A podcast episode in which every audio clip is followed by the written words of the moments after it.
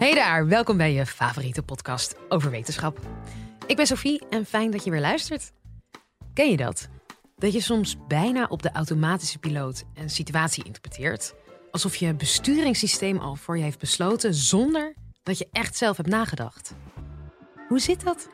Hoogleraar Noelle Aarts van de Radboud Universiteit en Universiteit Wageningen legt het je uit.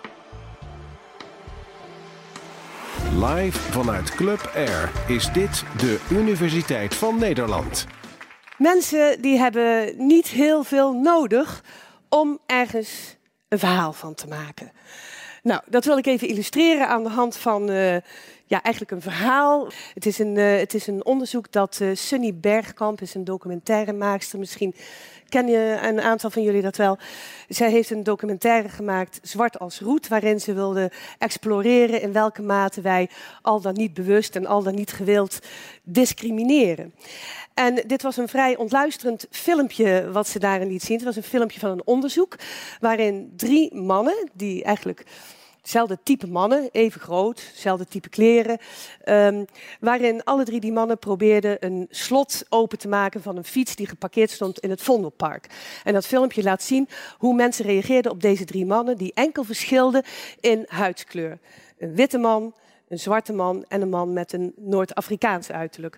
Nou, het resultaat was uh, behoorlijk schokkend, kan je eigenlijk wel zeggen.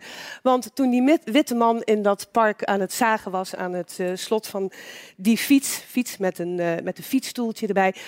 Nou, mensen liepen gewoon door. Ze knikten hem vaak zelfs vriendelijk toe. En een aantal van hen, hen die boden zelfs hulp aan. Zal ik even die fiets vasthouden? Kan jij iets beter zagen?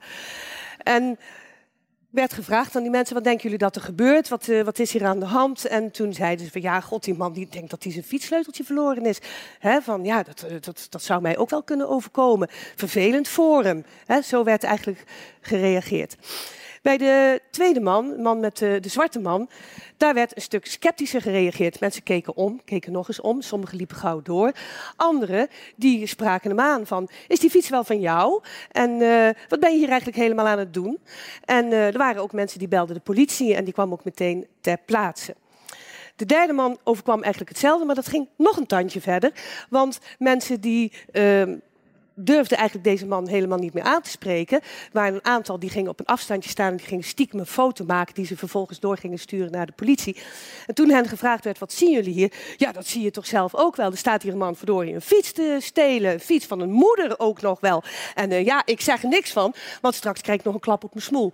Dus hè, zo verschillend werd gereageerd op deze mannen die er dus precies hetzelfde uitzagen. En eigenlijk vrij schokkend. En het liet dus ook zien van, wij zien een tafereel, wij maken er onmiddellijk een verhaal van. En daar hebben we eigenlijk maar heel weinig gegevens voor nodig. Meestal houden we het dan bij dat verhaal, bij die verklaring kan er nog een, eh, een, een persoonlijk voorbeeld aan, uh, aan, toevoegen. Ik zat een paar weken geleden uh, in de trein van Amsterdam naar Nijmegen. Daar zit ik nog alles, want ik werk in verschillende plekken en ik woon in Nijmegen. En meestal werk ik ook in de trein, maar het was nu al laat. Dus daar had ik geen zin meer in. En er lag een krant, dus ik dacht, nou, ga lekker even de krant lezen. En toen kwam ik om een uur of twaalf in uh, station Nijmegen aan. Gauw naar huis, kom thuis. Meestal kijk ik in de trein, en dat deed ik nu ook. Heel goed van, heb ik niks laten liggen? Want ik ben een vrij slordig type, dus ik moet altijd goed opletten of ik niks laat liggen in de trein. Was niet het geval, behalve die krant dan. Kom thuis, smartphone weg. Ik denk, verdorie onder die krant. Ik heb niet onder die krant gekeken.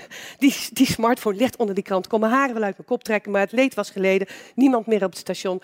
Nou, meerdere van ons zullen wel meegemaakt hebben een keer zijn smartphone verloren te hebben. Dan heb je toch even het gevoel dat je je hele leven kwijt bent. Heel vervelend. Moet van alles regelen. Is ook allemaal wel te doen. Heb ik ook gedaan. Een week later, ik zit in de auto en ik voel onder het gaspedaal, wat is dat? Mijn telefoon. Nou, zo kom ik dus achter van ja, dat verhaal van hè, onder die krant, hop, oorzaak, gevolg, klaar, einde verhaal. Dat blijkt dus helemaal niet te kloppen.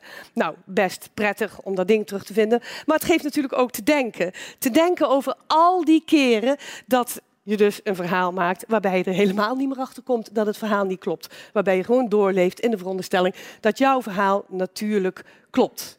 Nou, dat is al best schokkend zo far, toch? we zijn beperkt in wat we zien, we zijn beperkt in wat we denken. ben niet de enige die daar onderzoek naar heeft gedaan. Er hebben heel veel, uh, heel veel uh, mensen hebben daar onderzoek naar gedaan naar wat wij noemen selectief waarnemen. En we nemen niet alleen maar zomaar selectief waar. Het is ook heel gekleurd door wat we eigenlijk al kennen en wat we al weten. Wij mensen, we zitten boordevol vooroordelen, associaties, gedachten. En die hebben allemaal invloed op wat we zien en vooral ook op wat we niet zien. Dus dat onze verhalen niet al gauw niet kloppen, de verhalen die wij vertellen, dat heeft dus te maken met het feit dat we onmiddellijk ergens een verhaal van maken. En dat we vervolgens focussen op wat we al eerder wisten of wat we aan het verwachten waren. Daarbij komt dat we alleen maar betekenis geven aan hetgeen we zien.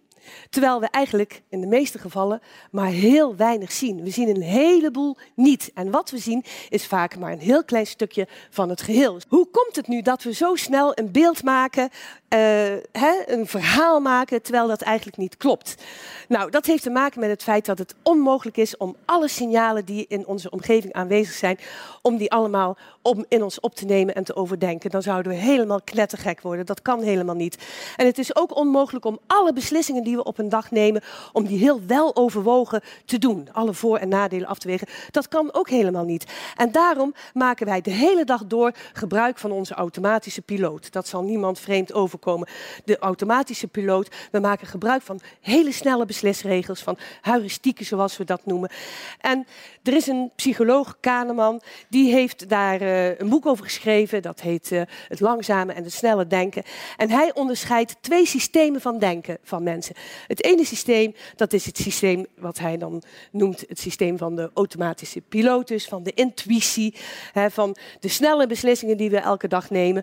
Bijvoorbeeld. Uh, um, pak ik de roltrap of neem ik die beweging even mee. Dat doen we in een split of een second. Of pak ik nou nog een derde bitterbal van die schaal, terwijl ik eigenlijk al veel te veel op heb. Whatever. Al die snelle beslissingen de hele dag door, die nemen we op de automatische piloot volgens dat systeem 1. Maar er zijn ook beslissingen die we op een dag moeten nemen of dingen die we moeten overdenken, waarbij dat automatische pilootsysteem tekortschiet. Als ik bijvoorbeeld vraag van hoeveel is 24 keer 117?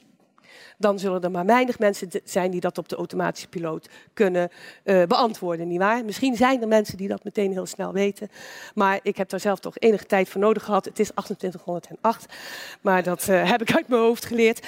Um, maar dat zijn dus dingen voor wat ingewikkelde beslissingen hebben wij ons systeem 2, het systeem van de overweging nodig. Het probleem is, zegt Kahneman, dat is dat dat systeem 2 nogal lui is en ertoe neigt eigenlijk om zoveel mogelijk over de heg van dat systeem 1 te gooien. En dat systeem 1 is de, het systeem van de snelle verhalen die wij uh, snel en op basis van weinig overweging maken en die ons door het leven heen helpen. En waarvan we nu dus weten dat die dus heel vaak niet kloppen. Waarom die verhalen? Verhalen vertellen, dat is fundamenteel voor mensen. Karen Blixen, dat is een beroemd schrijfster, een Deense schrijfster. En die zei dat al ooit. Van to be a person is to have a story to tell. En ik denk dat we dat allemaal wel kennen. Het is ongelooflijk leuk om een goed verhaal te horen. Maar het is misschien nog wel leuker om het zelf te vertellen. Niet waar? Dat vinden we heel fijn, want dan hebben we het gevoel dat we er toe doen. En verhalen geven ons richtlijnen voor het leven. Daarom is religie populair. Dat zijn prachtige verhalen die ons helpen hoe we het leven moeten leven. Dus verhalen zijn verschrikkelijk fundamenteel. Die hebben we gewoon nodig stond recent nog een, uh, een onderzoek van in de krant. Hè, er, werd, er was een onderzoek gedaan naar uh, mensen met borstkanker. En toen bleek dus dat een, uh, mensen met een borstbesparende operatie... die hadden meer kans tot overleving dan mensen die een borstamputatie hadden gehad. Nou, dat was niet, veel, niet fijn nieuws voor mensen die een, de afgelopen tijd een borstamputatie achter de rug hadden. En ook, ook natuurlijk een, een heel lastig verhaal. Toch duurde het nog een aantal dagen voordat dit nieuws werd genuanceerd door te zeggen, ja, hoe komt dat nou eigenlijk? En is hier eigenlijk wel sprake van oorzaak-gevolg? Want dat is dan het punt. Hè? Is er sprake van een relatie, een correlatie, of is het echt een oorzaak en een gevolg? Nou, dat bleek toch wel heel wat genuanceerder te liggen. Want als er sprake was geweest van een borstamputatie, dan is er meestal ook sprake van een wat ingewikkelder uh, uh, ziekteproblematiek, of misschien wel van bijverschijnselen, of wat dan ook. dus dat snelle oorzaak-gevolg denken, dat kan grote consequenties hebben. En zitten we er dus heel erg vaak naast. En daarom moeten we altijd alert zijn en kritisch zijn en opletten als we verhalen horen, maar ook als we ze zelf vertellen. Ik hoop dat je het een leerzaam college vond. Als dat nou zo was, abonneer je dan op ons kanaal. Volgende keer iets heel anders, namelijk over waarom we onszelf zo vaak overschatten als we leren voor een toets of een examen. Hoe dat zit, ga je horen. Mijn naam is Sophie Frankemolen en tot de volgende.